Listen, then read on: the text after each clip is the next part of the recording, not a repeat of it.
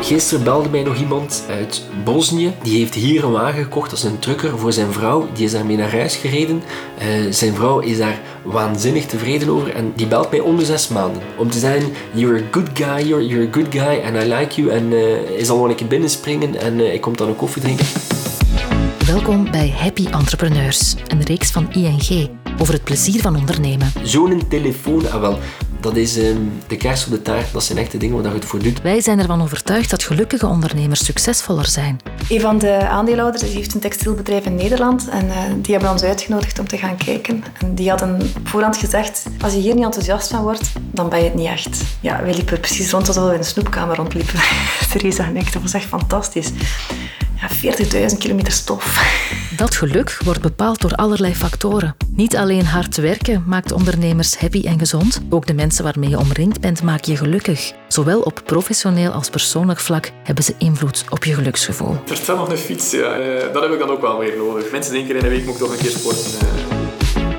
We bezoeken drie Vlaamse ondernemingen. Tweedehands autodealer Joris, het publisherduo Isabelle en Theresa en consultant Bert. Ze vertellen vanuit hun ervaring over hoe je best een zaak opstart, of ondernemerschap iets is wat je kan leren en waar je de energie blijft halen om er elke dag voor te gaan.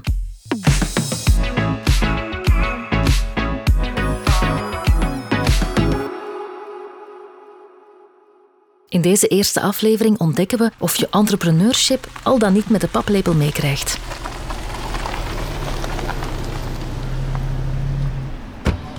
We wandelen de oprit van Legend Motors op. En twee mannen zijn druk in de weer met het wagenpark. Motors worden getest, krassen worden vakkundig weggewerkt en de autoradio's spelen door elkaar. Aan de glans op de auto's vooraan te zien hebben ze die al onder handen genomen. Achteraan staan de occasions een beetje op elkaar gepropt. Plaatsgebrek, zegt Joris. Of te snel gegroeid, denken wij. Binnen in het thuiskantoor van Legend Motors botsen we opnieuw op een wagenpark. Deze keer een verzameling miniaturen. De eerste, dat is een, um, een BMW E30. Dat is een bepaald model. Dat is een van de eerste auto's die we uh, gekocht hebben. En ik wou die heel graag houden, maar uh, we begonnen als onderneming, dus het was heel simpel. Ik moest die verkopen, want we hadden die centen nodig. Dus ik heb daar een miniatuurtje gezet, zodanig dat ik toch af en toe naar kan kijken. Dus dat is zo een, beetje, klein beetje het symbool voor mij, als in uh, keep going uh, en, en doe wat er nodig is om, om je zaak te doen groeien. De eerste kennismaking met tweedehands autodealer Joris hadden we online op de website. Bovenaan op legendmotors.be staat een Porsche 911, een BMW coupé en een Dodge te pronken. Als we verder scrollen zien we tussen de aanbiedingen ook een Skoda Fabia, een Citroën C3 en een Fiat Punto staan. En een R4 uit 1985. Legend Motors ligt dan ook in Ronse, vlakbij de Franse grens. Maar Joris verkoopt aan de hele wereld. Als iemand een auto zocht vroeger, ja, allee, mee, kom, stap in een auto en je rijdt de chaussee af, de steenweg en je bezoekt wat, de, wat autohandelaren. Dat is wel gedaan. Dus, dus ik dacht, ja, nee, we gaan veel meer online verkopen. Wat ik zwaar onderschat is, is dat wij eh, zo internationaal gingen verkopen. Ik heb sommige landen moeten opzoeken. Ik zeg, waar gaat die auto nu naartoe? wie? Eh, tot Congo, tot Wit-Rusland, tot noem maar op. Dat is iets dat ik, eh, dat ik echt onderschat had. De wereld is een dorp. Eh, door het digitale tijdperk waar wij leven. Door de digitalisering is de wereld een dorp. Dat zou ook uit de mond van onderneemster Isabel Finet kunnen komen. Isabel start in 2012 niet alleen een nieuw naaimagazine, maar legt ook de basis voor een internationale online community van naaisters. Bij aanvang heet het La Maison Victor. Vandaag floreert het magazine onder de naam Fibermood.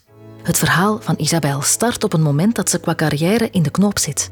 Even lijkt het of ze te vroeg gepiekt heeft als 30-jarige kabinetchef bij de Gentse Schepen van Cultuur. Tot ze na het zoveelste vruchteloze assessment bij selectiebureau Hudson beslist het heft in eigen handen te nemen. Het laatste assessment dat ik ooit heb gedaan was dus bij Hudson. Dat was om directeur te worden van het Poëziecentrum in Gent.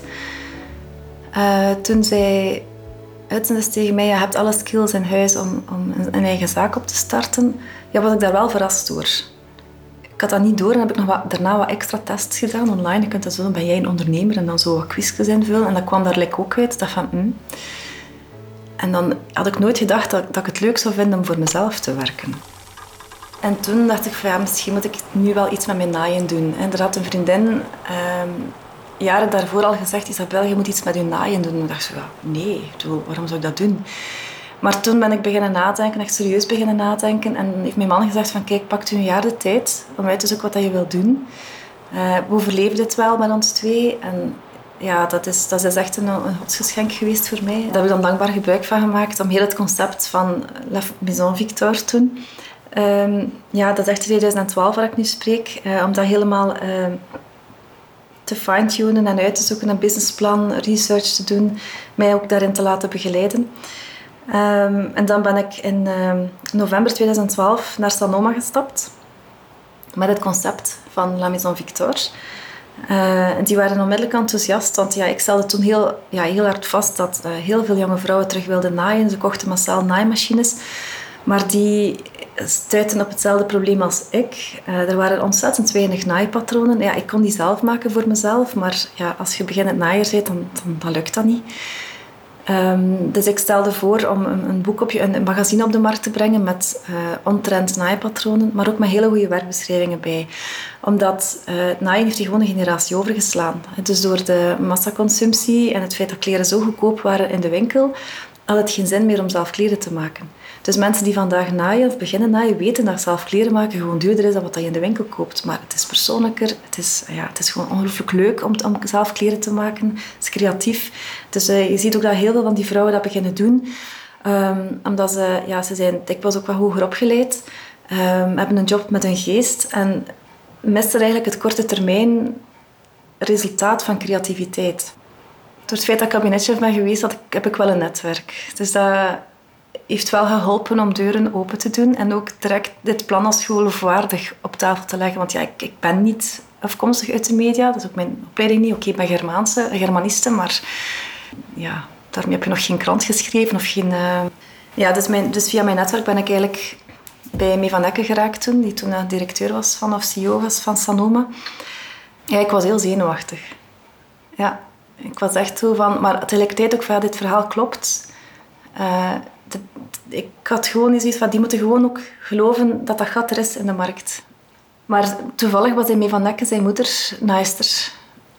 Dus uh, hij herkende het meteen. En ja, ook het verhaal dat ik bracht, heeft dan onmiddellijk overtuigd om, uh, kom, we gaan hier investeren. Ze hebben er dus zelf eerst uh, zelf een tegenonderzoek tegenover gezet. Ze hebben iemand opgedragen van, ja, doet, doet dat marktonderzoek eens opnieuw, wat ik al gedaan had. En die heeft dat bevestigd, wat ik in mijn, uh, mijn businessplan geschreven. En dat was oké, we beginnen. En dan heb ik ook meteen gezegd van ja, ik kan wel patroon tekenen, ik kan ontwerpen, ik kan werkbeschrijvingen maken, maar ik wil met La Maison Victor de nummer één worden internationaal. En als je die nieuwe internationale standaard wil zijn, moet je met professionals werken.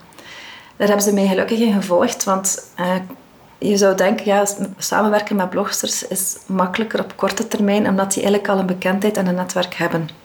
Maar die hebben niet de professionele skills om ja, iets internationaal op een niveau te brengen. Ja, omdat ze gewoon die scholing missen.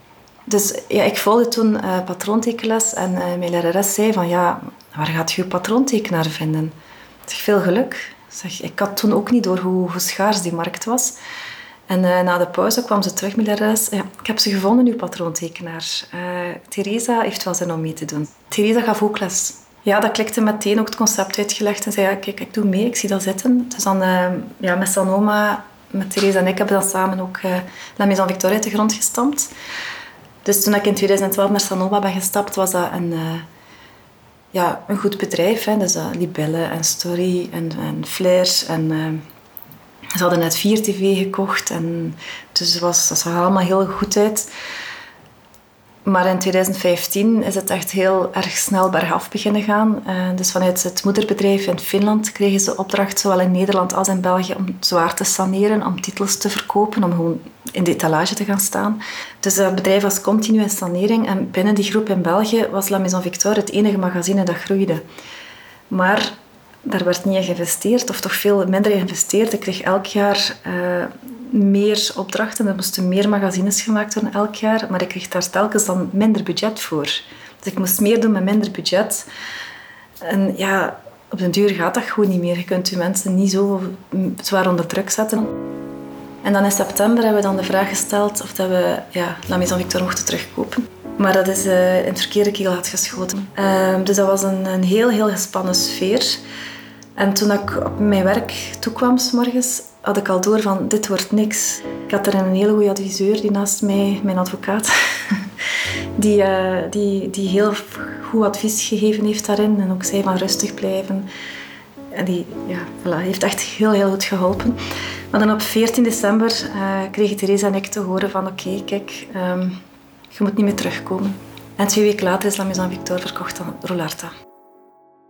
Legend Motors pakt het anders aan. Stapje per stapje groeit de wens van Joris uit tot een familiebedrijf. Zijn vrouw Laura Everaert zorgt voor customer happiness en zijn jongere broer Wim Vos doet de IT. Beide zijn partners van het eerste uur. In de beginfase was vooral uh, uh, Laura, mijn vrouw en ik, omdat je bent nooit alleen zelfstandig. Zij wist dat altijd wel uh, dat dat een, een droom was. Zij heeft eigenlijk ook altijd gezegd dat ze mij daarin wou steunen, eh, maar, zij zelf wil bijvoorbeeld nooit zelfstandig zijn. Zij heeft in haar omgeving ook gezien wat eh, het effect daarvan is op een relatie en voor was dat een beetje een rem. Uh, dus wat best je uh, wel wat twijfel of dat, dat ook op onze relatie, op ons privéleven, niet te veel druk zou zetten. Dus zij was eerder achwanend toen dat ik uh, met mijn plannen naar boven kwam, die al concreet waren, uh, heeft zij gezegd dat ze mij daar volledig in ging steunen. Dus ik ben daar nog altijd heel dankbaar voor. En vandaag doet zij veel meer dan uh, wat zij zou moeten doen. dus ze, ze helpt effectief mee in de zaak, naast haar eigen job en naast het zorgen voor ons dochtertje. Maar dus eigenlijk zijn we echt een beetje met twee begonnen. Um, toen we begonnen hadden we die website nodig. ja, oei, een website dat is um, blijkbaar best wel een investeringskost. Maar die is zeer belangrijk voor ons. Dat is een van onze voornaamste tools. Um, dus die moest zeer goed zijn, zeer professioneel, zeer mooi.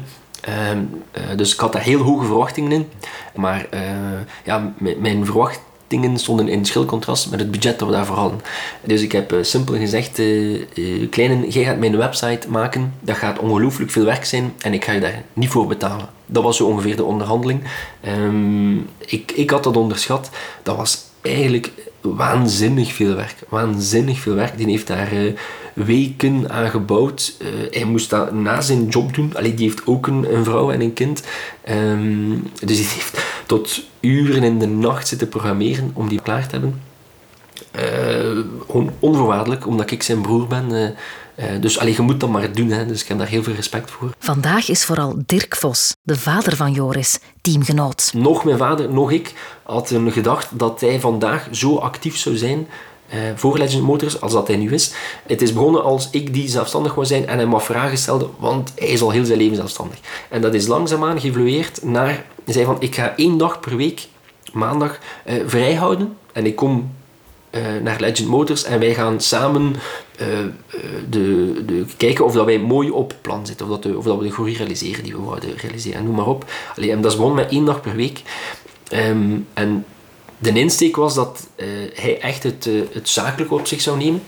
Um, maar doordat hij, uh, hij is ook IT'er, dus hij heeft um, het grootste deel van zijn carrière naar een scherm gekeken of zo wat saaie vergaderingen met projectmanagers meegemaakt. En dan zag hij hier plotseling uh, de meest exotische figuren uh, ons bezoeken. En uh, de onderhandeling die hij hier zag, um, dat, dat was zo net niet zoals in, in Marrakesh op een marktje dat je in je hand spuugt en in mekaars handen plakt. dus dat, dat, stond mijlen ver van wat dat hij al die jaren gekend had. En zo is dat verder geëvolueerd naar, naar de situatie vandaag, waar dat hij eigenlijk op, op elk mogelijk vlak betrokken is. En ik zou in godsnaam niet weten hoe dat ik het eigenlijk uh, ooit alleen had uh, moeten doen. Alhoewel dat het plan was dat ik dat, um, alleen ging dragen, ja, uh, denk ik dat ik eerlijk moet toegeven dat dat misschien niet zou gelukt zijn. dus dat is fantastisch hoe, hoe, dat dingen op korte termijn, op amper drie jaar, evolueren. Um, maar ik mag zeggen dat wij een, topteam hebben van mensen die elkaar sinds hun geboorte kennen. Uh, dat is een band die je nooit zult hebben met uh, zakelijke venoten die je gewoon aantrekt. Uh, dus wij kunnen op een ongelooflijk niveau samenwerken. Wij verdragen ook heel veel van elkaar omdat we familie zijn. Er zijn mensen die niet graag met familie samenwerken. voor ons heeft dat alleen maar voordelen. Op de kast in zijn kantoor staat naast de mini BMW E30 een ingekaderd certificaat van de zoekertjesite Autoscout24. In grote letters lezen we topverkoper. Dat is op basis van waarderingen van, um, van klanten. Dus als iemand een, een auto koopt via Autoscout, mag die achteraf uh, zijn, zijn feedback nalaten. Um, moet zijn dat, dat er toch een aantal mensen tevreden waren. Want we hebben ja, vijf sterren gekregen, hè, wat, wat de beste score is. Ik ben daar heel fier op en het valt ook op. Hè. Ik ben daarmee aan het pronken in mijn bureau, dat staat hieruit. Op de vensterbank staat een rij petjes met het logo van Legend Motors op. En Joris zelf draagt vier een polo met op de borstzak ook het logo van zijn zaak. Sinds Joris met zijn autodealeronderneming startte, kan zijn geluk niet meer op. Maar niet elke ondernemer ervaart continu die vreugde. Na een beloftevolle start van La Maison Victor wordt oprichter Isabel plots ontslagen en staat ze met lege handen op straat. De liefde voor het naaien en voor het ondernemen blijft gelukkig wel intact. Isabel ontmoeten we vroeg op de dag na de familiale ochtendrush. Terwijl de koffie pruttelt, glipt ook de poes naar buiten. Het ochtendlicht valt binnen door het achterraam. Het breekt op haar blauwe zomerjurk, die ze zelf maakte en Suzanne noemt. Het is een design van Fibermood. Dus uh, ja, ik heb die twee keer gemaakt. Ik vind die wel leuk. Dat is zo hip en serieus tegelijkertijd. Het huis ligt er rommelig bij. Maar een quote aan de muur verraadt dat in dit huis de prioriteiten elders liggen. Follow your dreams, they know the way. Dat is mijn slagzin. Die spreuk ophangen blijkt haar ook echt te helpen. En patroontekenaar Theresa die speelt een cruciale rol. En toen met Theresa gepraat, ja, wij moeten hier weg. Eh, ik wil niet ondergaan met La Maison Victor, met de rest van het bedrijf. En dan zei ze, ja, ja, wat is er nodig? Ik zeg, ja, geld. Ik bedoel, ik kan dit niet betalen, ik kan zelf geen vennootschap oprichten op dit moment. En dan zei ze, ja, kijk, ik doe mee. Ik zeg, oké. Okay. als jij meedoet, dan geloof ik erin. Want ja, zonder patronen, en wij zijn op dat vlak ook wel een heel goed duo. Hè? Dus, uh, de drive en de, de, de, visie en de lange termijn strategie en ja, ook mensen overtuigen, dat zit bij mij. En Theresa heeft dan alle know op vlak van patronen, op vlak van trends. Dat is haar winkel, dat is, ah, daar, daar krijg je geen spel tussen, letterlijk. Wat begon als een magazine voor patronen, is intussen uitgegroeid tot een online community van suistas, naaisters dus, van over de hele wereld. Haar team bestaat niet verwonderlijk, vooral uit vrouwelijk talent. We hebben vijf mensen in dienst. Dus uh, ja, dat is wel de moeite. En uh, uiteindelijk zijn we met een stuk of veertien in totaal die aan de magazines uh, meewerkt. Ik heb twee conversation managers, die zijn halftijds alle twee. Ja, die, die leggen contact met de blogsters, die leggen contact ook met de community. Dus alle vragen die binnenkomen, komen eerst bij hen terecht. Ik heb dan twee patroontekenaars in dienst. Het is ja, belangrijk, het is onze core, dus dat zijn belangrijke mensen. En dan hebben we ook nog een layouter in dienst.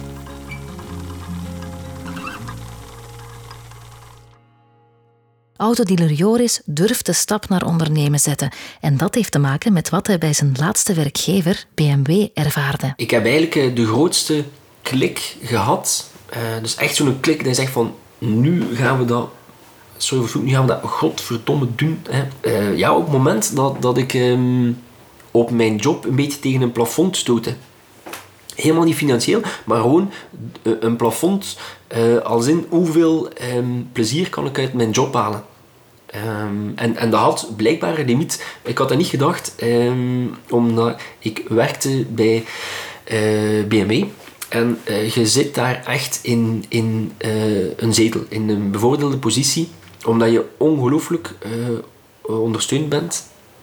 Ze hebben een BMW Sales Academy waar je trainingen krijgt. Dat zijn peperduwe trainingen die uw concessiehouder voor u betaalt. En die, die zijn zeer goed. Dus er wordt ongelooflijk in u geïnvesteerd. En ik heb daar eigenlijk alles als een spons proberen opnemen, omdat ik mezelf echt wil ontwikkelen tot een goed verkoper. Ik deed, vond ik van mijzelf ook uh, best wel veel. Uh, ik denk meer dan, dan wat van mij verwacht werd. Maar, maar dat houdt op op een bepaald moment. En je hebt je, je takenpakket als verkoper. Er zijn ook bepaalde zaken die niet onder uw verantwoordelijkheid uh, valt. Het runnen van de concessie uh, was niet mijn verantwoordelijkheid. En ging dat ook nooit zijn. En dan op een bepaald moment zeg je, ja, ik vind dat heel leuk, die dialoog met klanten en mensen ontmoeten en auto's verkopen. Maar misschien wil ik wel wat meer dan dat. En het is eigenlijk doordat dat ik daar niet meer kon uithalen, dat ik gezegd heb, ja, dat, dan ga ik het toch anders moeten doen. En op een bepaald moment was dat zo'n heel duidelijk moment, klik, zeg, verder lukt niet Joris, je gaat een keuze moeten maken. Of je legt u hierbij neer, je past uw verwachtingen aan en je doet de komende 30 jaar wat dat uw werkgever van u vraagt. Dat vond ik op zich niet zo'n happy vooruitzicht. Of je, hebt daar, eh, ja, je geeft al je zekerheden op en je springt daar gewoon knal in. We hebben voor het tweede gekozen en gelukkig maar, want uh, dat is een, enorme verademing geweest. En heel blij dat ik de stap gezet heb. Uh, ik zal nooit uh, als ondernemer de zekerheden hebben die ik had toen ik in loondienst werkte. En misschien ook maar gelukkig. Want zijn die onzekerheden die mij scherp houden, die je wakker houden, moe of niet, je hebt niet de luxe om in slaap te vallen. Want op het moment dat je dat doet, heb je 100 concurrenten die over u wandelen. Dus eigenlijk word je verplicht om scherp te blijven, om fris te blijven, om met nieuwe ideeën eraan te komen. En dat is uh, zo'n boost die je elke dag krijgt, in combinatie met de totale vrijheid uh, dat je mocht kiezen wat je doet. En daar kunnen al die zekerheden die ik had, die ik opgegeven heb, ja, die ben ik bij wijze van spreken al lang vergeten als ik zie wat ik allemaal in ruil krijg in C is er niet zoveel anders aan mijn job als toen ik het als eh, BMW-verkoper deed, maar het is allemaal veel intenser. Uh, dus ons plezier ook is uh, je vertienvoudigd uh, bij wijze van spreken. De laatste onderneming die we in deze aflevering kort leren kennen is die van Bert van de Wielen. Met 12 jaar werkervaring op zak bij onder andere een van de grote consultancybureaus richt hij zelf Cronion op. Zijn eigen consultancy-onderneming in sales en marketingadvies, ofwel commercial excellence, om het in de woorden van Bert te zeggen. Cronion doet het dan ook excellent. Op nog geen jaar tijd groeit het team van Bert uit tot vijf man. Ook dat gaat niet zonder leergeld op te hoesten. Ik ben altijd wel ondernemend geweest. Um, in de zin dat ik, alleen om een voorbeeld te geven, ik heb denk ik al een drietal keer ergens een poging gedaan om, om, om eens iets op te starten. Uh, dat was ooit al eens consulting, een vijftal jaar geleden, maar bleek, bleek gewoon wat te vroeg. Want in onze, in onze uh, ja, branche heb je toch een stukje een netwerk, is, is wel belangrijk. Uh, het is toch, marketing is ook belangrijk, maar ja, de mensen die je kent, moeten je toch wel in vertrouwen gaan nemen om bepaalde belangrijke elementen te gaan outsourcen.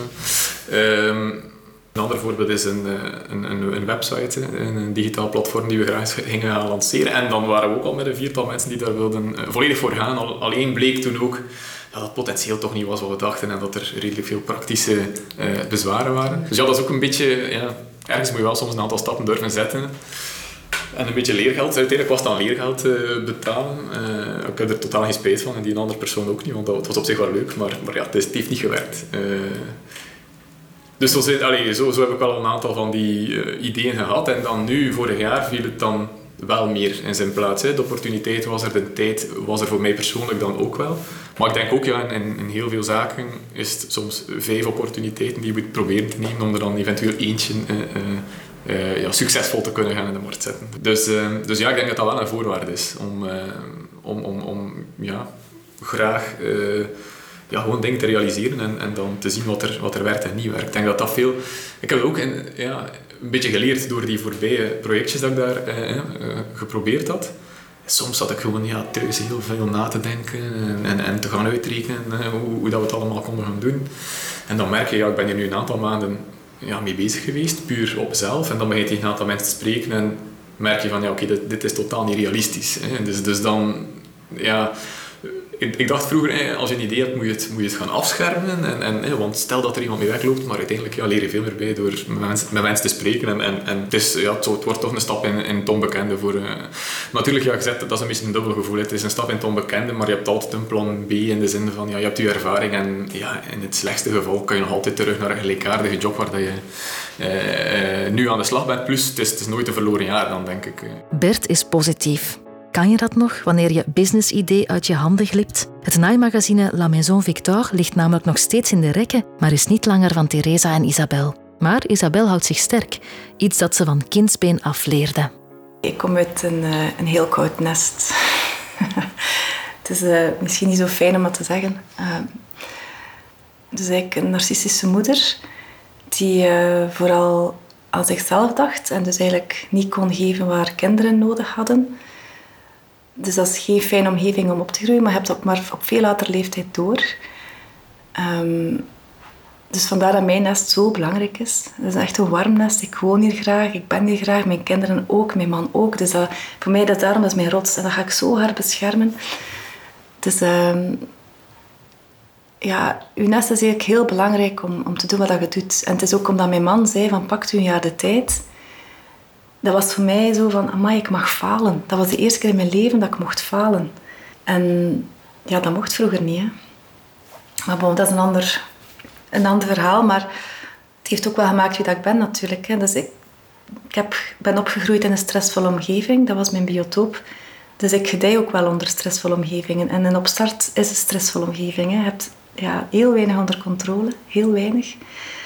En ja, er gebeuren dingen die je niet wil. Maar ja, gezien dat stress mijn natuurlijke biotoop is, kan, blijf ik daar wel in recht staan. Dus ook met Theresa was het ook onmiddellijk van oké, we maken een plan B en we starten gewoon opnieuw onder een nieuwe naam. En dat is ook precies wat we gedaan hebben. Ook Joris vertelt over een mindere periode in zijn leven. De scheiding tussen zijn ouders sleepte zo lang aan dat Joris plots van alles genoeg had. Hij stopte met school en ging in de horeca werken. Ik heb zo het gevoel dat ik nu zo wel eigenlijk op, uh, op uh, de plaats ben waar ik uh, moest zijn. dus ik ben heel gelukkig dat ik hier ben, maar dat had waarschijnlijk niet gebeurd zonder bepaalde ervaring, misschien tegenslagen. Um, zoals we op je 17e stoppen met school. Op, dat moment ziet de wereld er maar grauw uit natuurlijk hebben niet veel toekomstmogelijkheden. Dat, dat, dat, je realiseren dat je eh, ja, er iets aan moet doen, dat je een diploma moet behalen, of dat, of dat dat anders de komende 40 jaar zo zal zijn. Een moeilijke scheiding heeft ervoor gezorgd dat ik, ik heb een uh, ongelooflijk intense band met mijn broers en zussen en mijn vader. Dat had misschien niet zo intens geweest uh, zonder die scheiding. Je kiest niet wat je overkomt, je kiest enkel wat je daarmee doet. Een nieuwe naam, een eerste klant, een man of vrouw die je steunt. Het is een begin. Maar er is meer nodig om op eigen krachten de ondernemerswereld in te stappen. Wat dat betreft zitten Isabel, Joris en Bert op één lijn. Durven is vooral. Um, je moet durven springen. Er gaat zo'n gezegde de ronde van een ondernemer is iemand die springt en onderweg naar beneden een vliegtuig bouwt. Dat klopt voor mij. Ik ben gesprongen. Ik had zoiets van, nee, dit moet, dit is, dit is een goed verhaal, dit klopt. Ik ben gesprongen en onderweg naar beneden is het inderdaad gelukt om een vliegtuig te bouwen. Dus we zijn nu, hup. Dus het is nog een klein vliegtuigje en ook weer gaandeweg gaan we dat wel bijbouwen. Maar ik hoop vooral dat dat altijd een gezellig vliegtuigje gaat zijn. Uh, zo een wendbaar vliegtuigje. Voor mij is dat heel belangrijk. Zo'n grote Boeing, dat kun je heel moeilijk gaan ja, gaan keren of gaan... Hè, dus dat minalien zijn, dat ook luisteren naar je community. Trends die je ziet, die, ja, die je best ook mee oppikt en ook mee je schouders onderzet, dingen versterken, dat kun je niet met een boeing. En als je een klein gezellig vliegtuigje bent, ja, mensen willen daar ook wel bij, bij dat klein gezellig vliegtuigje. Of gaan ook mee helpen dat klein gezellig vliegtuigje op koers te houden. Eigenlijk als het gecrashed had, als het eigenlijk nu deze winter gebeurt, als het had moeten crashen. Maar het heeft niet moeten crashen. Blijkbaar is, is de kracht van uh, groot genoeg om, uh, ja, om levensvatbaar te zijn. Dus het is een levensvatbaar kind, maar het is wel nog een kind op dit moment. Hè, of een baby. Met pampers aan. Ondernemen is dus bovenal durven springen. Uh, we zouden allemaal geen iPhone in onze zak hebben, gehad hebben als iedereen gewoon ochtends zegt ik stap op mijn fietsje en ik fiets naar mijn werk en ik doe wat dan mijn baas van mij vraagt en vanavond ga ik weer naar huis. Um, dan uh, zou het helemaal niet zo'n boeiende wereld zijn. Uh, de moeilijkheid is wanneer moet ik springen? Wanneer ga ik zeker genoeg zijn dat die risico's toch een beetje berekend zijn en met dat ik succesvol ga zijn? Het antwoord kunt je al raden, nooit. In de volgende aflevering leren we Theresa, patroontekenaar en medeoprichter van Fibermood, beter kennen. De ondernemers vertellen over hoe ze de opstart van hun zaak zo efficiënt mogelijk organiseerden. We praten over wat nodig is om samen te werken met personeel en partners. Vertrouwen is eigenlijk alles voor mij. Het staat of het valt met vertrouwen. En wat je doet als je vertrouwen in partners beschadigd wordt, maar je ze nodig hebt om je verhaal voor te zetten. Mijn tenen krullen, hè? Not again en wat één sms kan betekenen op het moment dat je de handdoek in de ring dreigt te gooien. Op dat moment was een vrijdag namiddag in juni. Was ik aan het luisteren naar eh, de bachelorproef van studenten Artevelde. Die hadden een marathondruk gedaan voor ons in zeven landen. Kijk, interessant marathondruk die helemaal ons verhaal bevestigde. Terwijl ik daar zat te luisteren naar de bachelorproef, uh, kreeg ik een sms van Theresa.